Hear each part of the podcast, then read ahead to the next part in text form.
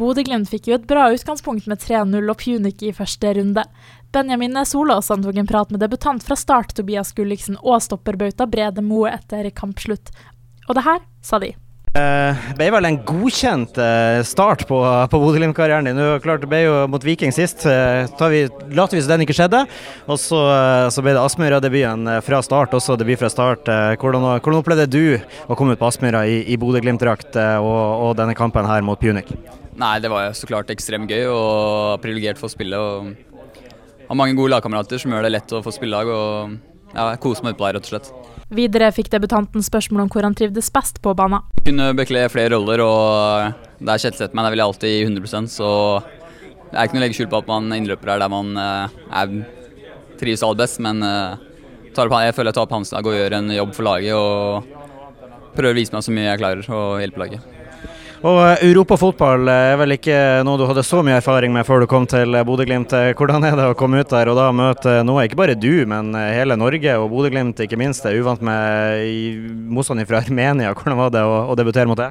Nei, som sagt, jeg har sagt tidligere at eh, europakamper er sånne kamper man vil spille, og det er det som trigger deg ekstremt i kroppen. og Utrolig kult for å være med på det.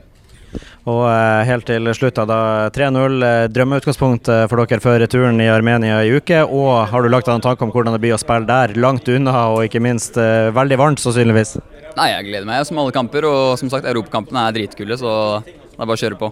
Videre fikk vi besøk av Brede Moe, som fikk spørsmål om det er mer som kreves når man går inn i en europakamp. Mm, nei, så klart det er litt mer uvisst. Det blir mye video, og, og trenerne prøver jo å male et bilde av hvordan motstanderen er. Eh, noen ganger så treffer dem veldig bra, andre ganger så har vi blitt overraska. Eh, både eh, på en måte taktisk, men også nivåmessig. At de vi har møtt har vært bedre eller dårligere enn det vi på en måte har blitt forespeila på forhånd. Så, men eh, i dag så syns jeg de treffer spiker på hodet, og jeg syns vi gjennomfører en solid eh, prestasjon. Mm.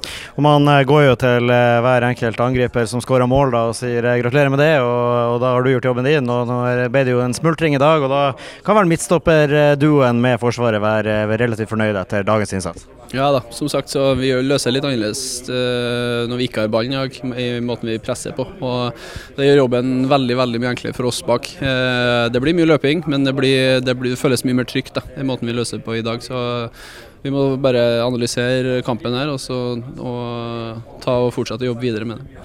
Spesielt for din del, eh, føltes det vel sikkert bedre når dommeren blåste av i dag enn mot Viking sist? Ja da, det er klart. Jeg fikk en eh, rett på, på haka mot Viking, men eh, vi må bare se framover. Det er ikke så mye å gjøre. Har dere lagt dere noen tanker om hvordan det blir å reise til Jerevan om ei uke? Som sagt, Dere sikter dere et kjempeutgangspunkt før returen, men det er jo en eh, lang reisevei. og eh, Varmegrader er det vel også meldt noe ut av. så Har dere rukket å lagt dere noen tanker om det? Nei, ikke, det, ikke vi har om det. At det blir på en måte en eh, litt spesiell reise til en litt hva skal si, eksotisk plass. Så, men ja, varmen det er noe som det er. Vi må bare ta de forhåndsreglene vi, vi kan gjøre. og så ja, må vi bare prøve å hente oss inn nå etter kampen her først. Takk for det, Brede, og gratulerer med godt utgangspunkt.